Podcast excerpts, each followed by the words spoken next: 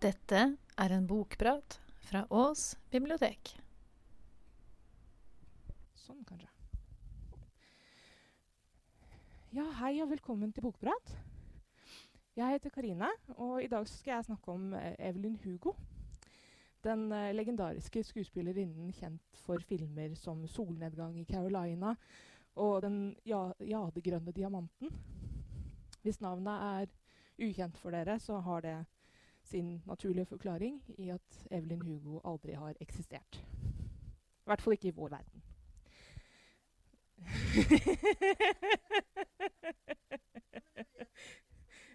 ja. Ja.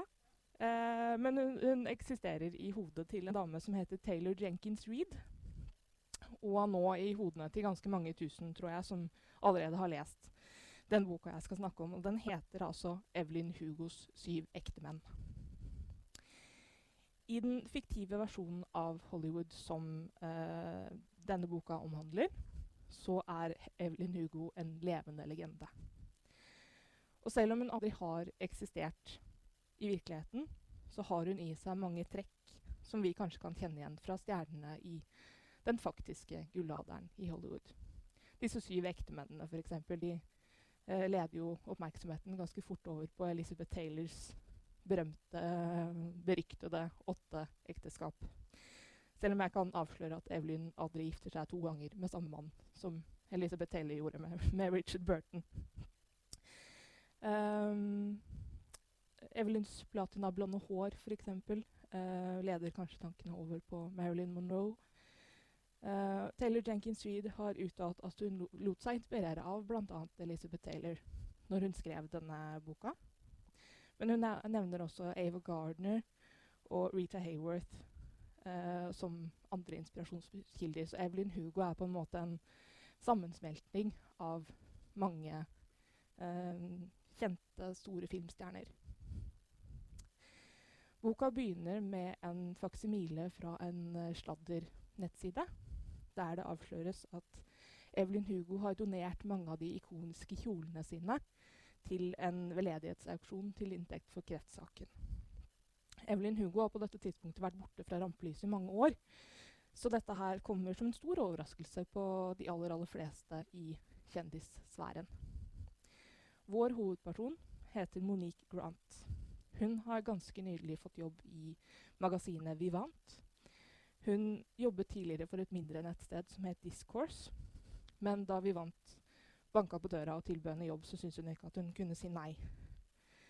Eh, men nå, etter eh, omtrent et år i redaksjonen, så, eh, som hun stort sett har tilbrakt å, med å stille stre helt streite folk helt streite spørsmål, som hun selv uttrykker det, så begynner hun nok kanskje å savne discourse lite grann.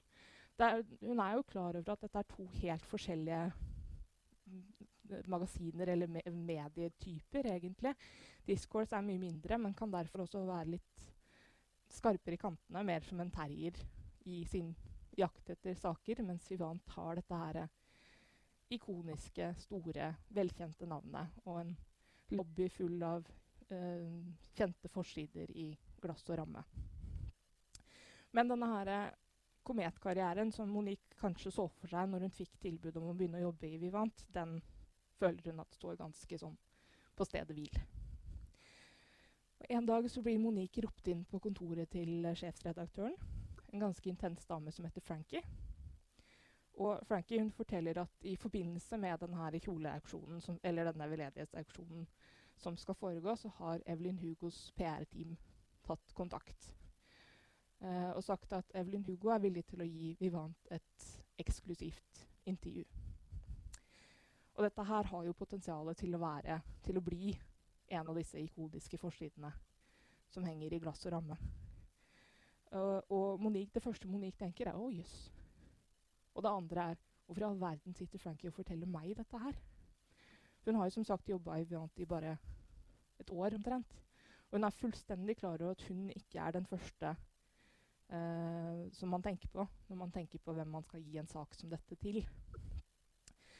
Um, så, men svaret det kommer i form av en e-post på dataskjermen til Frankie fra Evelyn Hugos PR-team, der det står enten blir det Monique Grant, ellers blir det ingen Evelyn. Og verken Frankie eller Monique skjønner noe særlig av dette her. Hvor dette her kommer fra. Frankie har tenkt at Monique kanskje kjenner Evelyn på eller annet, en eller annen måte. Fordi Monique opprinnelig er fra Los Angeles, og faren hennes jobba i en periode i filmindustrien. Men Monique sier at nei. Kan ikke huske, Har ingen tilknytning til Evelyn som hun er klar over. Hun tekster til og med moren sin mens hun sitter der inne på kontoret til sjefen for å høre med moren om hun vet om faren kanskje jobba på noen av filmene hennes. eller noe sånt nå. Men uh, nei. Det ser ikke ut som om de har noe, har noe, tilknytning som skulle tilsi at Evelyn velger Monique spesielt til denne her jobben. Men uh, Evelyn har jo, som vi skjønner, bestemt seg. Og det Evelyn vil ha, det får hun. Så Frankie har jo ikke noe valg. Hun er nødt til å sette Monique på denne saken her for å få den i det hele tatt. Og Monique syns jo ikke akkurat at hun kan si nei til et sånt skup som dette her. Så etter å ha brukt noen lange dager på å lese seg opp på alt hun kan komme over, over om eh, Evelyn Hugo, sett alle filmene hennes, så er dagen for intervjuet her. Og da får Monique seg nok en overraskelse. Jeg har bedt deg komme under falske forutsetninger, sier Evelyn Hugo til Monique under en av de første samtalene som de har. Det viser seg nemlig at Evelyn ikke har, noen, ikke har til hensikt å gi Vivant denne her, uh, coversaken basert på disse her, uh, ikoniske kjolene. Det hun derimot har hensikt, er å be Monique om å skrive sin biografi, sine memoarer. Um, og hun er villig til å fortelle alt. Filmkarrieren, alle de syv ektemennene. Ingenting skal være forbudt område. Monique hun havner nå i en knipe. Fordi hun har jo lovet Frankie dyrt og hellig at hun skal gi alt for å få denne her saken til å bli så bra den overhodet kan for Vivant. Og hun respekterer sjefen sin. Hun har ikke noe sånn det er ikke sånn at hun umiddelbart tenker at ja, men dette, bare, vi vant, bare kaster hun på båten. Det er ikke sånn i det hele tatt. Men til slutt så innser hun jo at dette her er en once in a lifetime mulighet. Hun kommer aldri til å få en sånn sjanse som dette her igjen.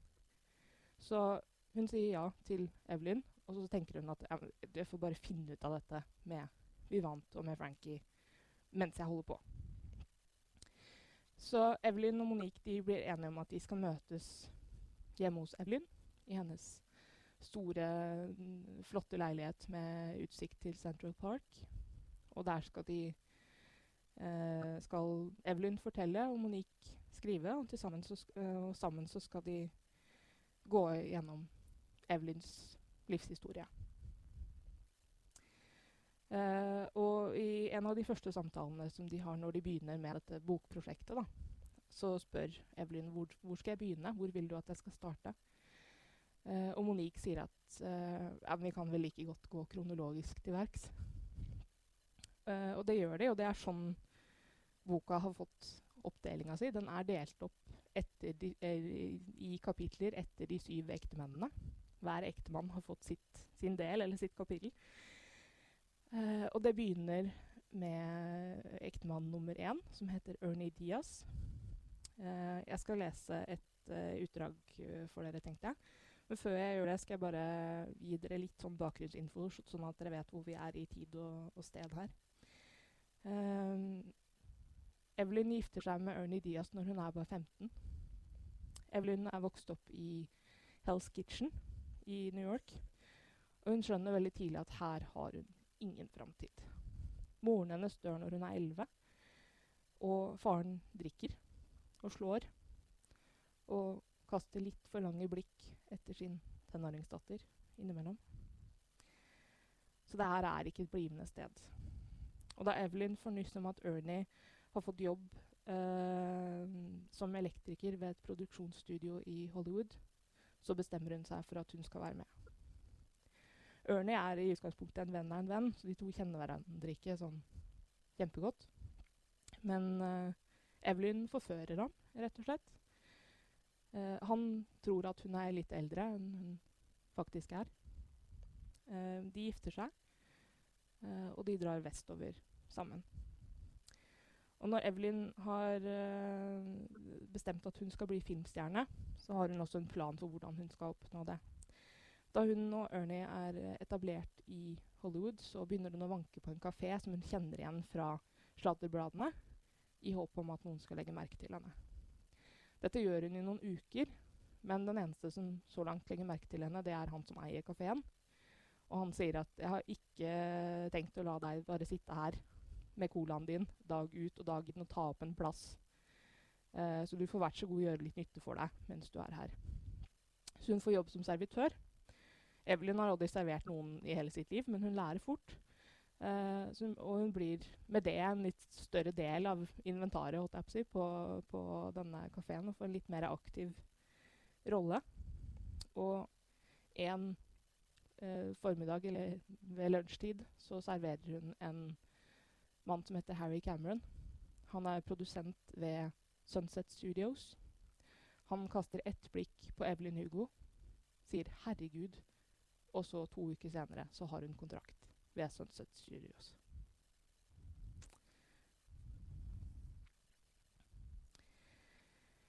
Jeg dro hjem og fortalte Ernie at jeg syntes det var helt utrolig at noen fra Sunset Studios kunne være, være, interessert i lille meg. Jeg sa at det å være skuespiller bare kom til å være noe jeg gjorde for moro skyld. Noe jeg bare gjorde for å få tiden til å gå, frem til jeg tok fatt på det jeg egentlig skulle gjøre, nemlig å bli mor. Reinspikka løgn fra ende til annen. Jeg var snart 17 på dette tidspunktet, men Ernie trodde fortsatt at jeg var eldre. Dette var langt ut i 1954. Jeg pleide å stå opp hver morgen og dra rett bort til Sunset Studios. Jeg hadde ikke filla peiling på skuespillerkunst, men jeg var ivrig etter å lære. Jeg var med i et par romantiske komedier. Jeg fikk en replikk i et krigsdrama. Og hvorfor skulle han ikke det? Det var replikken. Jeg spilte en sykepleier som tok seg av en soldat som var såret. Legen i scenen spøkte med at soldaten flørtet med meg, og det var da jeg sa og hvorfor skulle han ikke det? Jeg sa det som et barn i en skoleteateroppsetning for femteklassinger, med et snev av New York-aksent. Engelsk slik det snakkes av en som er fra New York. Spansk som en amerikaner. Da filmen kom ut, dro Ernie og jeg for å se den. Ernie syntes det var gøy at den vesle kona hans hadde fått en replikk i en film. Jeg hadde aldri tjent så mye penger før, og nå tjente jeg like mye som Ernie, etter at han ble forfremmet og fikk jobb som produksjonsassistent. Og dermed spurte jeg om, om, jeg om jeg kunne betale for å få teaterundervisning. Jeg hadde lagd Aros con Pollo den kvelden, og da jeg tok det opp, lot jeg med vilje være å ta av meg forkleet mitt. Jeg ville at han skulle se på meg som harmløs og huslig anlagt.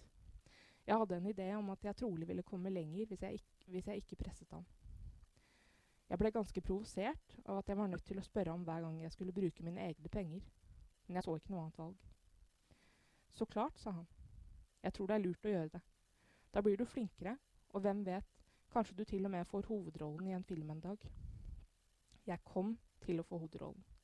Jeg hadde mest lyst til å slå ham rett ned. Men senere har jeg skjønt at det ikke var Ernies feil. Ingenting var egentlig Ernies feil. Jeg hadde jo fortalt ham at jeg var en helt annen enn den jeg var. Og så begynte jeg å bli mer og mer forbannet på at han ikke så meg som den jeg egentlig var. Seks måneder senere kunne jeg avlevere en, rep en replikk på overbevisende vis. Jeg var ikke glitrende på noen måte, men det holdt. Jeg hadde vært med i tre filmer til, alle mindre roller. Jeg hadde hørt at rollen som Stu Coopers tenåringsdatter i en romantisk komedie ennå, ikke var besatt, og jeg bestemte meg for at jeg skulle ha den. Så gjorde jeg noe som ikke mange andre kvinnelige skuespillere på mitt nivå noensinne ville hatt guts nok til å gjøre. Jeg banket på Harry Camerons dør. Evelyn, sa han, forbauset over å se meg. Hva skyldes dette hyggelige besøket? Jeg vil ha rollen som Caroline, sa jeg. Kjærlighet er ikke alt. Harry ga tegn til at jeg skulle sette meg. Han var kjekk til produsent å være. De fleste produsentene på studioet var ganske korpulente, og mange av dem var skallet, men Harry var høy og slank. Han var ung, jeg mistenkte at han ikke engang var ti år eldre enn meg. Han gikk kledd i dresser som passet ham perfekt, og som alltid fremhevet de isblå øynene hans. Han hadde et slags ubestemmelig midtvestenpreg over seg, ikke når det gjaldt utseendet hans, men mer i måten han kom andre mennesker i møte på, med vennlighet i første omgang, og så en viss pondus. Harry var en, de, var en, av de få mennene på filmstudioet som ikke glodde på brystpartiet mitt. Det plaget meg faktisk litt. Det var som om jeg hadde mislykkes på et vis, siden jeg ikke klarte å fange oppmerksomheten hans.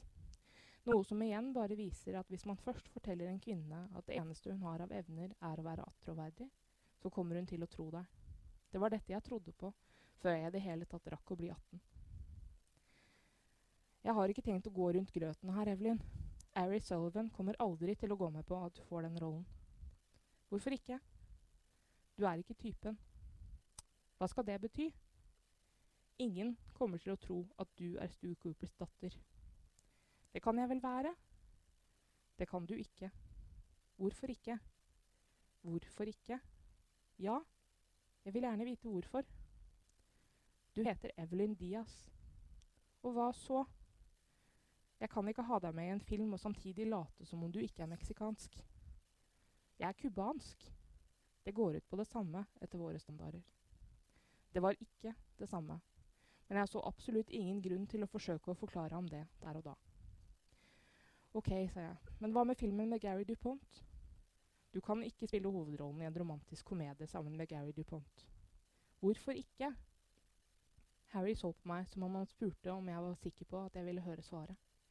Fordi jeg er meksikansk? spurte jeg. Fordi filmen med Gary DuPont trenger en pen blondine. Jeg kan være pen blondine. Harry så på meg. Jeg ble mer pågående. Jeg vil ha den rollen, Harry, og du vet at jeg kan gjøre det. Jeg er en av de mest interessante jentene dere har i stallen akkurat nå. Harry lo. Du er frekk som faen, det skal du ha. Harrys sekretær banket på døren. Beklager at jeg forstyrrer, men du må være i Burbank innen klokken ett, Mr. Cameron. Harry kastet et blikk på arbeidsordet sitt. Jeg gjorde et siste forsøk. Tenk litt på det, Harry. Jeg er flink, og jeg kan bli enda bedre. Det er å kaste perler for svin og bruke meg i alle disse smårollene. Vi vet hva vi gjør, sa han og reiste seg. Jeg reiste meg samtidig med ham. Hvor ser du meg om et år, Harry? I roller som lærere med tre, eh, lærere med tre replikker? Harry gikk forbi meg, åpnet døren og føyset meg ut. Vi får se, sa han. Vel, vel. Hadde jeg først tapt kampen, så skulle jeg jammen meg vinne krigen. Neste gang jeg så Ari Sullivan i kantinen på filmstudioet, filmstudio, slapp jeg vesken min i gulvet rett foran ham, og så sendte jeg ham tilfeldigvis et megetsigende blikk idet jeg bøyde meg ned for å plukke den opp. Vi vekslet blikk, og så gikk jeg bare videre, som om jeg ikke ønsket noe fra ham, og som jeg ikke hadde noen anelse om hvem han var. En uke senere lot jeg som om jeg hadde gått meg bort inne i kontorlokalene til filmprodusentene, og der traff jeg ham i korridoren. Han var tykkfallen, men han kledde de ekstra kiloene. Øynene hans var så mørke at det ikke var lett å skille irisen fra det slitne draget som alltid lå over dem. Men han hadde et vakkert smil, og det var det jeg konsentrerte meg om. Mrs. Diaz, sa han. Jeg ble overrasket, og samtidig ikke, over at han visste hva jeg het. Mr. Sullivan, sa jeg. Bare kall meg Ari. Hei på deg, Ari, sa jeg og lot hånden min streife lett borti armen hans. Jeg var 17. Han var 48. Den kvelden, etter at sekretæren hans hadde gått for dagen, lå jeg på skrivebordet hans med skjørtet oppover hoftene og Aris ansikt mellom beina mine. Det viste seg at Ari hadde en viss forkjærlighet for å stimulere purunge jenter oralt. Etter ca. syv minutter av dette lot jeg som om det gikk for meg, i vill ekstase. Jeg kan ikke akkurat si at jeg nøt det, men jeg var fornøyd, fordi jeg visste at det kom til å føre meg dit jeg ville. Hvis definisjonen av det å nyte sex er at det er deilig, må jeg innrømme at jeg har hatt mye sex jeg ikke har hatt særlig mye glede av. Men hvis, vi, men hvis vi definerer det som å kunne si seg fornøyd med en byttehandel, har jeg vel egentlig ikke hatt så mye dårlig sex. Da jeg gikk, fikk jeg øye på rekken av Oscar-statuetter som Ari hadde stående inne på kontoret sitt. Jeg sa til meg selv at jeg en dag skulle skaffe meg en sånn en, jeg også. Kjærlighet er ikke alt, og Gary DuPont-filmen jeg så gjerne ville være med i, kom ut med en ukes mellomrom. Kjærlighet, kjærlighet er ikke alt ble en flopp. Og Penelope Quills, kvinnen som fikk rollen jeg ville ha, fikk elendige kritikker. Jeg klippet ut en anmeldelse av Penelope og sendte den via internposten til Harry og Ari med en liten beskjed der det sto Besøkstallene ville gått rett til himmels med meg. Neste morgen lå det en lapp fra Harry i traileren min. OK, du vant. Harry kalte meg inn på kontoret og fortalte meg at han hadde tatt det opp med Ari, og at de kunne tilby meg to ulike roller.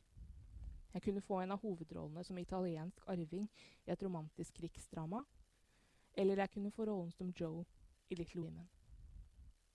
Jeg visste hva det innebar å spille Joe. Jeg visste at Joe var hvit. Likevel ville jeg ha rollen. Jeg hadde ikke spredd beina bare for å ta noen ørsmå museskritt i riktig retning. Joe, sa jeg. Gi meg Joe. Og dermed begynte hele filmstjernemaskineriet å rulle i gang. Og det filmstjernemaskineriet det er ganske gøy og ganske interessant å lese om, også i fiktiv eh, form. Og man lurer jo litt på hvor mye av det er det som er tatt fra virkeligheten, og hvor mye av det er det som er funnet på.